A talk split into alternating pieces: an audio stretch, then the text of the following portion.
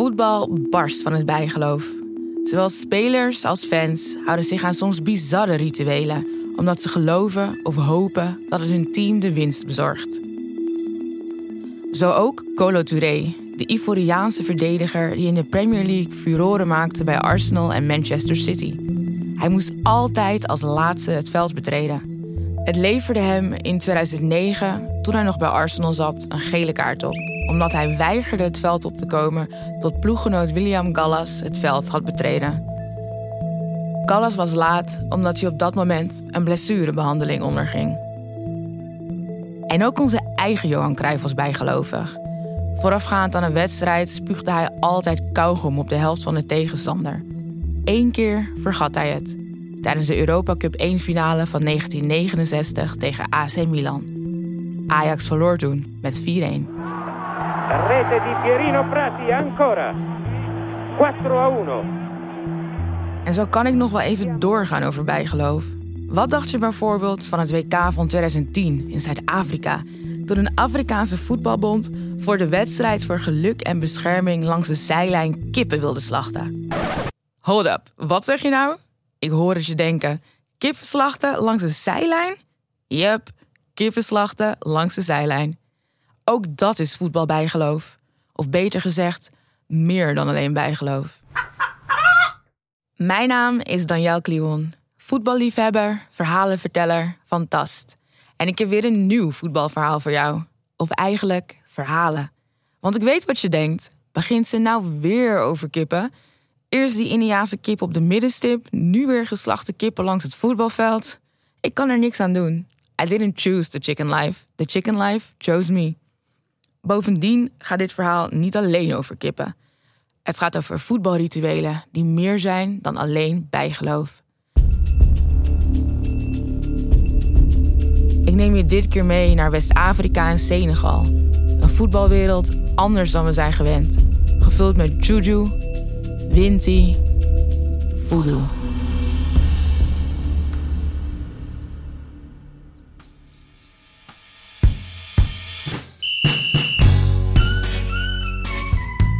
Je luistert naar VV het voetbalverhaal. In deze serie neemt een top 10 van vertellers je mee in de wonderlijke wereld van het voetbal. Die is namelijk groter dan de eindeloze stroom aan roddels, relletjes en primeurs. Met vandaag een verhaal van Daniel Kliwon. Ik ken niemand die op zo'n authentieke manier schrijft en praat over voetbal als zij. In elke wedstrijd, in elk doelpunt, zelfs in elke paas ziet ze een verhaal van epische proporties. Dat ze er daarnaast zelf ook wonderlijk bijgeloof op nahoudt. Want wat denk je van zitten in een krampachtige kleermaker zit met opgestoken vingers... die nog de scoren doelpunten van haar favoriete team moeten representeren... maakt haar de perfecte verteller van dit verhaal. Van een kauwgomspugende kruif keek niemand meer op. Maar kippenslachten en bloedoffers, dat vinden we raar en eng. Maar is het eigenlijk wel raar en eng?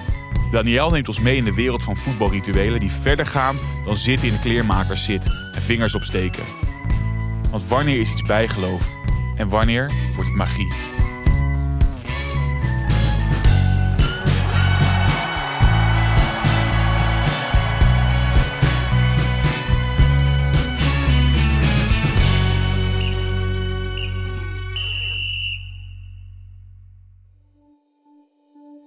Magie is de kunst van het manipuleren van de werkelijkheid. De magie waar ik het over heb, zou je zelfs hekserij kunnen noemen. Het uitoefenen of aanroepen van bovennatuurlijke krachten, verborgen krachten, om mensen en gebeurtenissen te beïnvloeden.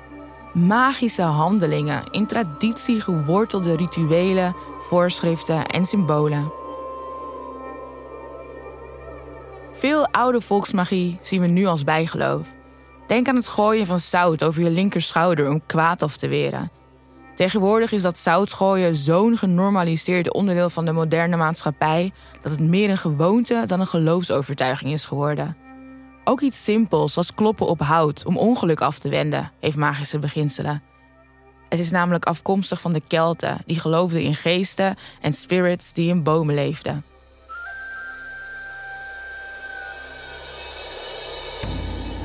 De wortels van de magie waar ik het over heb, liggen eeuwen in het verleden en zijn gelinkt aan dodenverering, geestenverering en offers. Het wordt niet alleen toegepast om kwaad af te weren, maar ook om andere personen te benadelen. Bijvoorbeeld Jaya Touré, die achternaam komt je bekend voor. Het is namelijk het broertje van Colo Touré. Deze oudspeler van Manchester City gebruikte magie om zijn club te vervloeken, zodat zij nooit de Champions League zouden winnen. Ook Paul Pogba doet aan magie. Hij zou een magier hebben gevraagd zijn landgenoot Kylian Mbappé te vervloeken. Maar terug naar de kippen. Ik ben zelf Surinaams. En volgens zo'n vernuftig DNA-testje heb ik, hou je vast, Nigeriaans, Senegalees, Scandinavisch en Noord-Europees, Iberisch, Zuidoost-Aziatisch, Chinees en Maasai-DNA. Maar ingepakt en met een strikje eromheen vertaalt zich dat naar heel simpel Surinaams. In de zomer van 2005, tijdens de vakantie in mijn moederland, ontkwam ik er niet aan om de relatieve luxe in hoofdstad Paramaribo achter me te laten. Ik trok met de familie het binnenland in. Het was een enerverende ervaring, vol modderpoelen, vliegende kevers en emmers die dienst deden als wc. Ugh. Je had heldere sterren aan de hemel en uitgestrekte onbedorven natuur waar ik blootvoets voetbalde met mijn neefjes. Hoe het dorp waar we bleven heten, weet ik niet meer. Het kan van alles zijn geweest. Steden en dorpen in Suriname hebben prachtige inheemse namen als Brokopondo, Abanakondere en Afrobakka, maar ook koloniale titels zoals Lelydorp en Nieuw Amsterdam. De naam van mijn dorp lag er vast ergens tussenin. Omringd door oerwoud en brulaapjes maakte ik daar voor het eerst kennis met Winti. Magie. Er zal later in de avond een Winti-pre zijn in het dorp. Een spirituele dansavond voor de geesten. En de geesten, dat zijn Winties. Maar eerst moesten er wat rituelen worden uitgevoerd. Ik was nieuwsgierig, dus trok ik ook het oerwoud in. Kijken, dacht ik. Leuk. Een van de rituelen was het slachten van twee kippen. Een witte en een zwarte. Voor de barbecue was mijn eerste gedachte. Zo naïef. De kippen waren niet om later op te kluiven, maar om boze geesten weg te halen. Boze windies. Die vielen iemand lastig, brachten die persoon ongeluk in zijn persoonlijke en professionele leven. Logischerwijs wilde hij van die geesten af. Ze hadden ook namen, behoorden tot een bepaalde soort: Bakru en Jorka.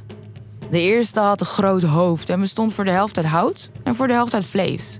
De ander was de geest van een net overledene. Samen maakten ze het leven van hun slachtoffers zuur. De kippen waren een bloedoffer om de bakroe en de Yorka weg te halen. En dat bloedoffer kan je echt letterlijk nemen. Er was overal bloed. Waarom ik dit vertel? Nou ja, om die kippen natuurlijk. Onthoud die even. De kippen en het bloedoffer. Papa Bouba Diop was een van de betere West-Afrikaanse voetballers.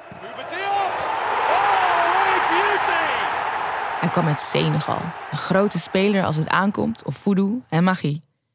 De verdedigende middenvelder en centrale verdediger speelde zijn beste jaren in Engeland.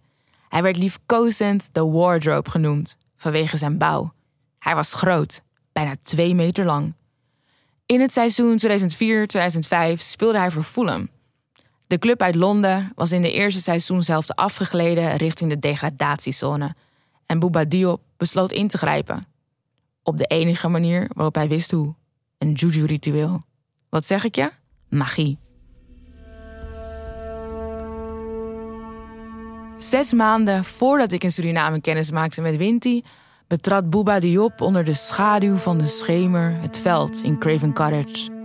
Het was een volle nacht, althans, dat denk ik graag.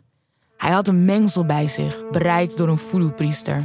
En dat strooide hij uit over het veld en de doelpalen. Het mengsel bestond uit aarde, wierook en jouwer, kippenbloed. Een bloedoffer, niet om boze geesten te verjagen, maar om bescherming van bevriende goden te zoeken en om verwarring te zaaien bij de tegenstander. In de eerstvolgende wedstrijd miste die tegenstander, West Bromwich Albion, kans op kans op kans. De bal weigerde het doel in te gaan en de spelers van West Brom snapten maar niet waarom.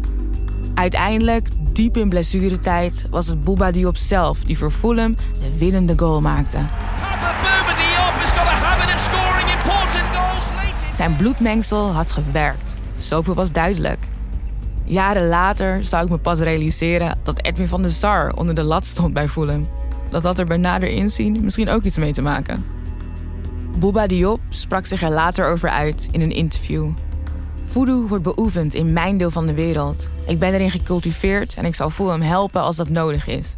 Ik heb het gedaan. We hebben resultaten geboekt en zullen het opnieuw doen als we beginnen te verliezen. Ik moet voorzichtig zijn met hoe ik praat over deze vorm van magie. Want het is een taboe hier in het Westen, maar het is allemaal goed omdat het ons kan helpen.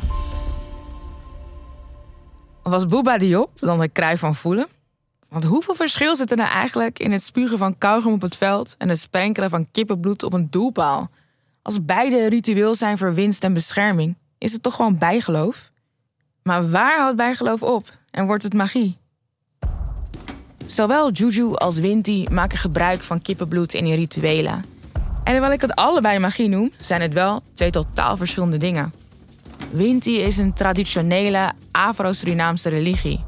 Alle Winties bestaan uit goedaardige aspecten, Boonsé, en boosaardige, Ogrisé.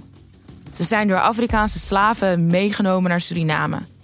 De Winties zijn deels erfelijk en waken over alle familieleden, zolang die hen eren en offers brengen als dank.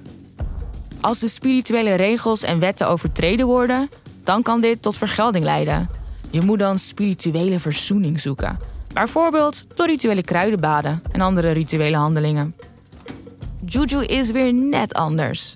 Het is een spiritueel geloofssysteem in West-Afrika waarin religieuze voorwerpen worden gebruikt als onderdeel van hekserij. Voorwerpen als amuletten en spreuken worden gebruikt voor zowel goedaardige als kwaadaardige doeleinden. De term juju wordt ook wel eens gebruikt om alle traditionele Afrikaanse religies aan te duiden. En dan is er ook nog voodoo, zoals Bouba Diop zijn kippenbloedritueel noemde. Voodoo is een verzamelnaam voor occulte religies. Juju is daar een van. Maar het is ook een officiële godsdienst van Haiti, gebaseerd op de West-Afrikaanse Vodun-religie. Best wel ingewikkeld, maar voodoo is net als Winti door de slavernij via Afrikaanse slaven in Haiti en de Cariben terechtgekomen. Volgens ons Westerlingen is het hekserij, maar in principe zijn Winti, Juju en voodoo niets anders dan Afrikaanse diasporische religies. Best wel cool. Het tijdschrift African Soccer schreef eens: Naar een belangrijk toernooi gaan zonder een juju-man is net zo dom als naar een examen gaan zonder pen. Voodoo en magie is wijd verspreid in West-Afrika. En het is dus ook niet verwonderlijk dat het ook onderdeel van het voetbal is. Tijdens de Afrika Cup in 2000 brak in de kwartfinale tussen Nigeria en het Senegal van Bouba Diop een controverse uit over het vermeende gebruik van hekserij. Senegal stond in de 80ste minuut met 1-0 voor. De wedstrijd was bijna ten einde. Plots sprintte een lid van de Nigeriaanse delegatie het veld op. Hij stormde als een wervelwind langs verschillende spelers op ramkoers met het doel van Senegal. Daar griste hij een voorwerp uit de netten. De Afrikaanse voetbalbond was woedend en schorste de ambtenaar, maar door zijn landgenoten werd hij als held vereerd. Het voorwerp dat hij uit het doel verwijderde was namelijk een krachtige talisman. Opgehangen in het Senegalese doel om te voorkomen dat de Nigerianen zouden scoren. Het leek op een kluit modder, bijeengehouden door touw. Een mengsel van aarde, gras en kippenbloed? Nigeria won de wedstrijd uiteindelijk na verlenging met 2-1.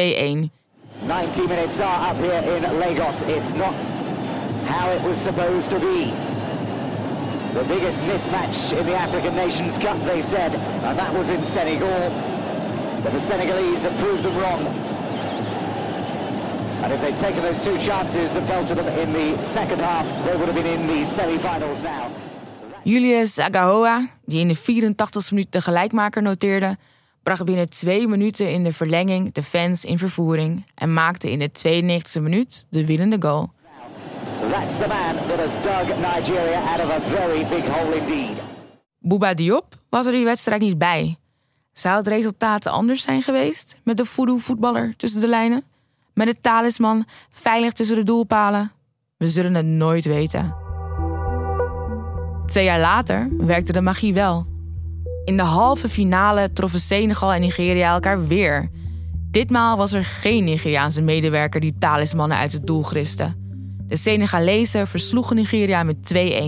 En de openingsgoal werd gemaakt door, je raadt het al, Papa Bouba Diop. Senegal heeft datzelfde jaar meer magische overwinningen. Het West-Afrikaanse land claimt dat het tijdens het WK in Japan en Korea voodoo en magie heeft gebruikt om de regerende wereldkampioen Frankrijk te verslaan.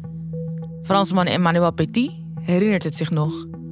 We hadden veel pech tijdens die wedstrijd. Een jaar voor de wedstrijd was hij op een strand in Frankrijk, zo zegt hij zelf. Een straatverkoper die hij kende kwam op hem af en zei: Je weet wel, het WK dat over een jaar wordt gespeeld?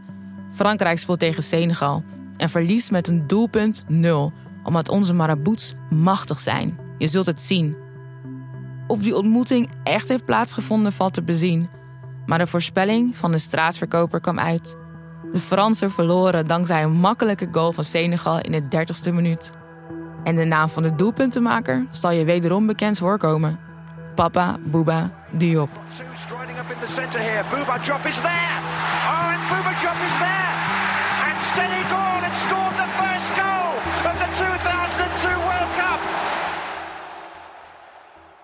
Toen Neil Warnock trainer bij Rotherham was, waste hij 19 wedstrijden lang zijn jockstrap niet.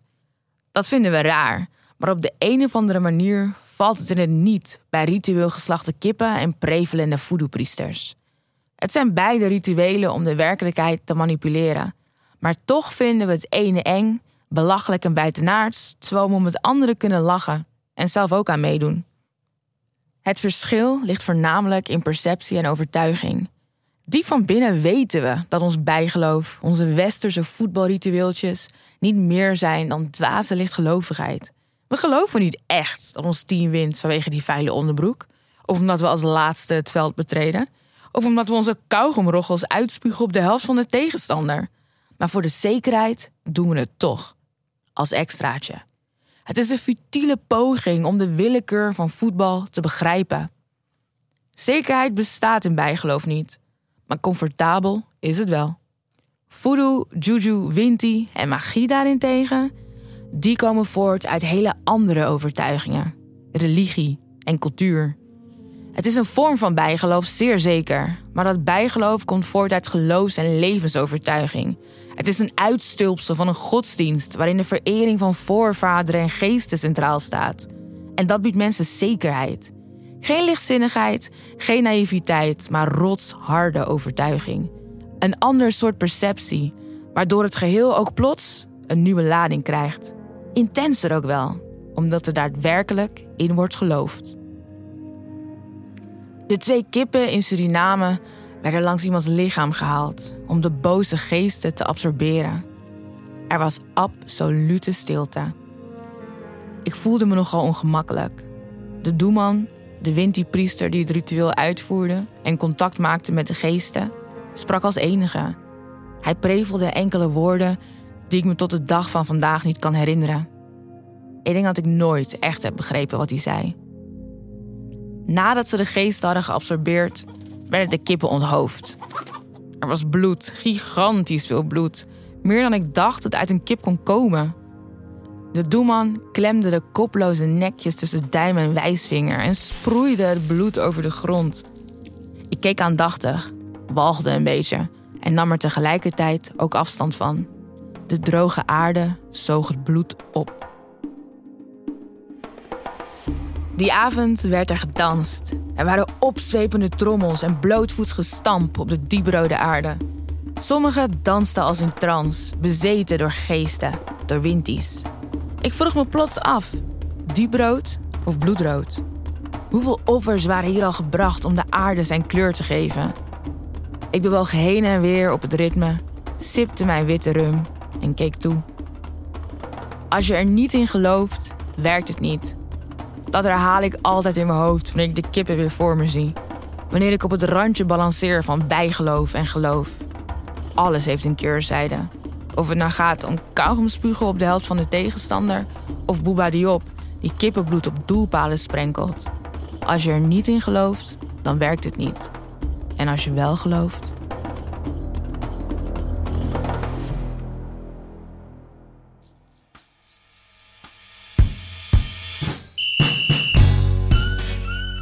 VV Het Voetbalverhaal is een podcast van Dag en Nacht Media en Podimo.